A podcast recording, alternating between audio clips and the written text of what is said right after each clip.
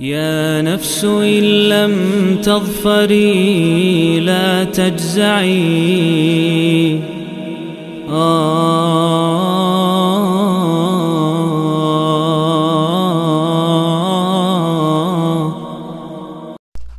Bismillah, walhamdulillah, wala hawla wala quwata illa billahi amma ba'd Para hadirin yang dirahmati Allah subhanahu wa ta'ala Ini adalah lanjutan pengajian kita Di serial 114 hari menjelang Ramadan Dan kita di surat ke 111 sekarang Yaitu surat Al-Lahab Surat Al-Lahab adalah surat yang turun setelah surat Al-Fatihah Surat turun setelah surat Al-Fatihah dan sebelum surat At-Takwir.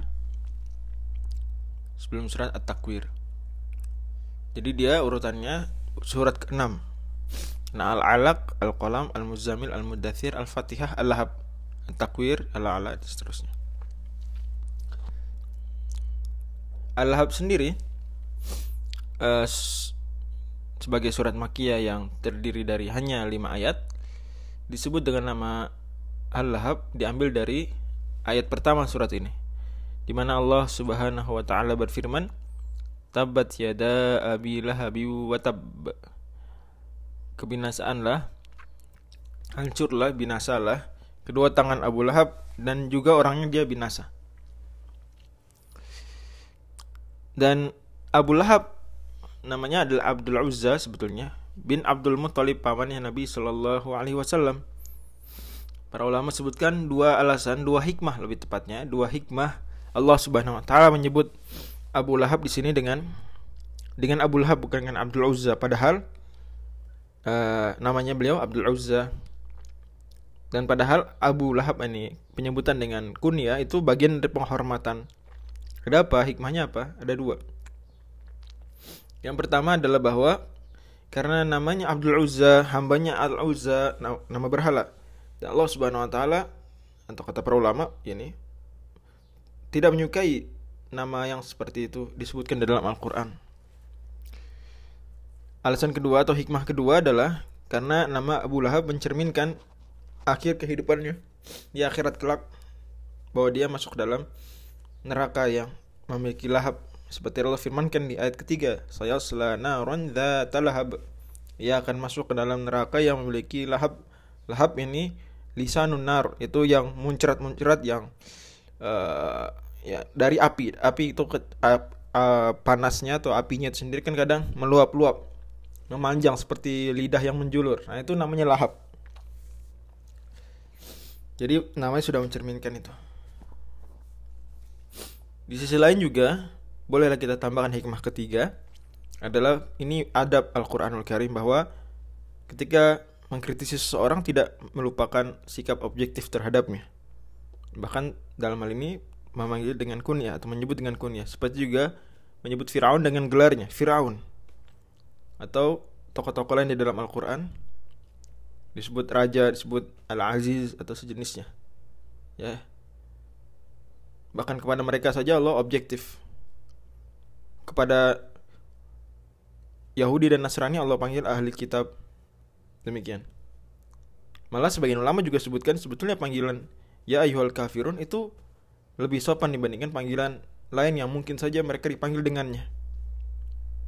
Gitu. Wallahu alam bisawab. Allah Subhanahu wa taala di surat ini tema besarnya dari surat ini ini mau menyampaikan sebuah tema besar yaitu tidak bergunanya apa pun yang dimiliki dari kelebihan seseorang jika ia memusuhi Islam. Tidak bergunanya kelebihan yang dimiliki seseorang jika ia memusuhi Islam. Abu Lahab sebetulnya para hadirin sekalian itu bukan orang sembarangan di masa jahiliyah. Bayangkan saja, dia adalah orang kedua terpenting eh, dari Bani Hashim setelah Abu Talib di masa Nabi berdakwah. Makanya nanti ketika Abu Talib meninggal, maka yang memegang tampuk pe- kepemimpinan Bani Hashim adalah Abu Lahab. Berarti bukan orang sembarangan. Abu Lahab juga disebut dengan Abu Lahab. Kunyahnya memang sudah demikian dari dulu dari ya, dari sebelum jelas-jelas menentang dakwah Islam ya. Karena wajahnya tampan, bercahaya. seolah-olah dia bercahaya seperti lahapnya api. Tadi ya yang menjulur-julur itu ya cahayanya seperti itu. Berarti kan pujian sebetulnya lahap Abu Lahab. Dan juga dia orang kaya. Istrinya pun terpandang bahkan istrinya kunyahnya adalah Ummu Jamil. Jadi uh, pasangan yang luar biasa sebetulnya dari sudut pandang duniawi tapi sayang dia memusuhi Islam maka kata Allah ma'agna anhu maluhu wa makasab hartanya tidak berguna buat dia tidak melindungi dia dari azab Allah karena dia memusuhi Islam. Tidak juga apa yang dia amalkan.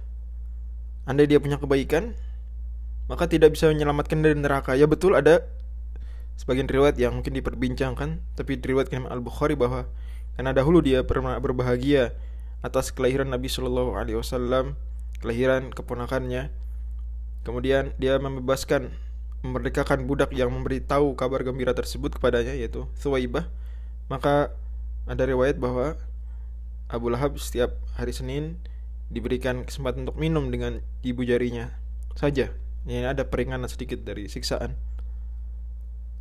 tapi tetap tidak bisa keluar dari neraka. Sebagaimana halnya juga Abu Talib demikian diberi keringanan karena pembelaan dan amalnya pada Nabi Shallallahu Alaihi Wasallam. Berkata Allah, saya selana ronda terhadap dia akan masuk ke neraka. Begitu juga istrinya wa muratu hammalat hatab istrinya membawa kayu bakar dan ini bisa difahami dua makna. Satu memang hakiki dia membawa kayu bakar untuk membakar jalanan ketika Nabi dan kaum muslimin mau melintas.